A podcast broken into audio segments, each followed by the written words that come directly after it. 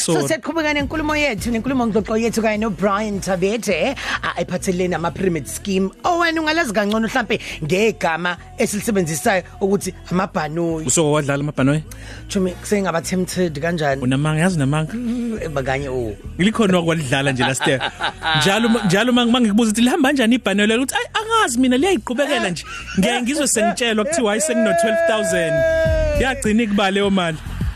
Angisakhumbuli.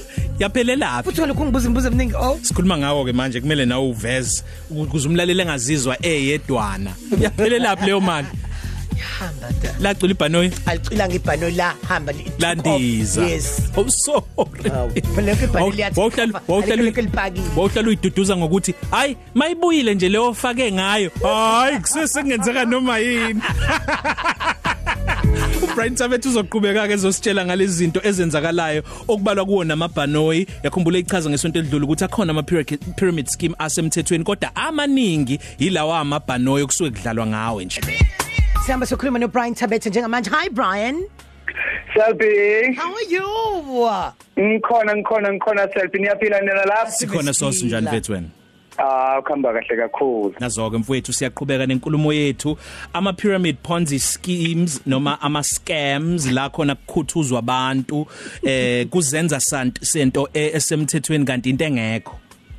Ayikho sampela mpela njengoba ngiyabonga ithuba eh neno Selby namhlanje ke sibhekisisa umthetho ukuthi ngabe ingalo yomthetho ihamba ifike phi kuloko esikubizwa ngama um crime uh, financial um crimes noma esikubiza ngokuthi ubugebengu obuhleliwe bezezimali.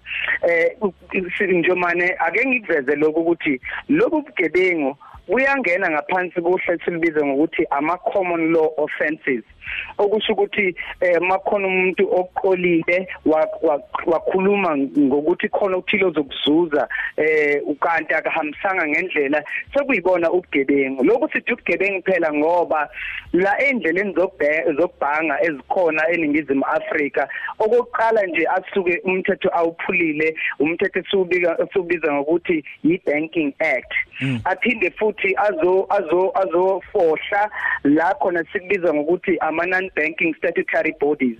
Izinhlaka lezo ezimele lokwesikubiza ngokuthi akuyona indlela yokubhanga esiqondayo ejwayelekile. Lolo ke uhla olungaphansi kwe statutory body esisibiza nge-FSCA i-Financial Sector Conduct Authority. Ibamisana ke nayo i-National Consumer Commission. Uma ukuthi khona ongacacelwa kahle ongakutholi kahle. Kuyebenzima ke njomane ukuvula iqala uma ukade ungene ebhanoyi. Noma ngabe kade uhlele ku first class noma kade ngabe uhlele ku economy uma seliphahlazekile nje ibhanoyi kunzima ke njomane ukuthi ubuyele emuva uthi uyovula iqala lokuthi wena ugejengiwe ake ngikuveze lokhu njomane. Uma izinto zingahambi kahle empilweni akusho ukuthi nawe ungahambi kahle. Noma angithi uma izinto zizimbi akusho ukuthi nawe ibamubi umuntu nje uyakwazi ukubona ukuthi cha engathi la ngena khona akusayona indlela ejwayelekile yokubhanga akuyona indlela enhle noma eyamukelekile yokwenza inzuzo. Kukwena ukuthi uzithibe nokuthi uzishaye ukuthi cha awuzuyingenela lezi indlela ngoba mawusungenile njomani wasuyahamba wayoxoxela uselbi ukuthi cha sengingenile ngawuthola u5000 ngawuthola u10000 usuyaqhubeka phela ukubhebhezela lobo bugebengu.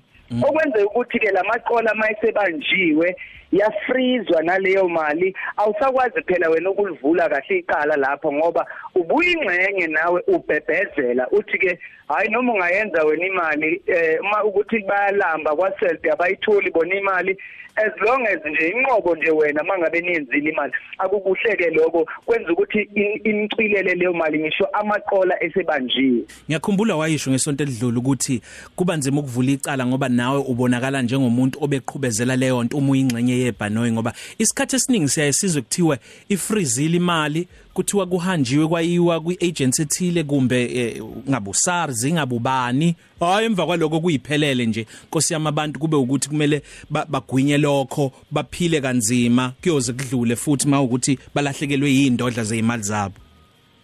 Imali lezi ezifrizwa yi-reserve bank Nako. lezi imali lezi zigcina zifrizwe kanjalo zibuye zibuyele ke einhlakeni zikahulumeni ziyosiza lapha nalapha ezingase zisize khona Kahle wena. akukho akukho la ungathi uzohlomula izobuya leyo mali izoqazwa ihlukanise ngoba umthetho ukubeka ngokuso ngokusobala eh, njomani ukuthi uyingcenye yokubhebhezela lobugebengu. Njomane phakathi kwethu sobathathu njengoba sikhuluma manje ngeke indoda yamadoda ungakuboni ukuthi engathi khona umkhunyuvu ola. Kodwa ngoba nawe uphokophelele kulento oyifunayo kunento ethile ngaphakathi kwena exhuma nayo nalobu mkhonyuvu bese nawe uyayingenela kanjalo. Yize unembeza wakho ngaphakathi uthi cha mhm engathi akunjalo la. Kodwa ke mawusuqhubekile ke yazi ukuthi ungene eh ngerisk akukho akukho ukuthi uzohamba uyofaka icala. Akukho futhi ukuthi noma sebebanjiwe iyo ibuye leyo mali. Manje pro Brian uma ngingaboni ubukhonyovu eh njoba sasisho ngesonto elidlule ngibona ubufakazi babantu asebesizakele izinto lezo buka owuthi kumele zibhekwe engizocela ukuthi sibuyekeze ukuze kubonakala ukuthi ibhano noma i-pyramid scheme esemthethweni ngizokwazi kanjani? Njomane ngiyawubonga umbuzo wakho omuhle kakhulu. Mhlawumbe abaningi bazothuka futhi bazomangala. Lana nje kwaZulu Natal ngaphansi kweDepartment ye-Economic Development kunohla lapha ngaphansi kwalo olubizwa ngoconsumer. Lolu hla lubhekele ezabathengi luholwa umnomzane eh, uselebe. Eh lolo indawo lapho ongakwazi ukuthi uyovela khona uthi naku sekunento ethile ekhangiswayo ingabe iyiyona na? Izinhlaka zikahulumeni zonke ziyakwazi ukuthi mase ngoba labantu isikhathi esiningi baba nama nama pamphlets baba nezinto abasuke bezikhangisa ngazo. Uyakwazi ukuvela uyithathele leyo nto. Uma ubona ukuthi iFSCA ikude noma iNational Consumer Commission ikude nakhona la kwaZulu Natal zikhona izinto esingazibiza ngama statutory bodies ezimele ngqo abathengi ukuthi cha ungaxopheki umthengi uhulumeni ekhona. Lungile Brian mfethu ukhulumile asithole imininingwane yakho sivalelise. Asixwayise ke ngolesihlanu uBlack Friday ungathathi isikweletu uyongena ku Black Friday. Ungathathi ungathengi ngecredit card. Inzalo inkulu ngendlela eyisimangaliso. Mhlambe ngiyazicelela kubaphathi bami lapha. Mhlambe soke sibuye ngolesine noma ngawolesihlanu ke siubheke yona uBlack Friday. Uyaxhumana ke nami ku WhatsApp ku 083 623 1391 Sibonga kakhulu Brian. Bye Brian. Ngena nathi kwilesithani yakho yekhethelo. Nosia and Sylbeyonce ku 12 to 3 cafe, your cozy FM.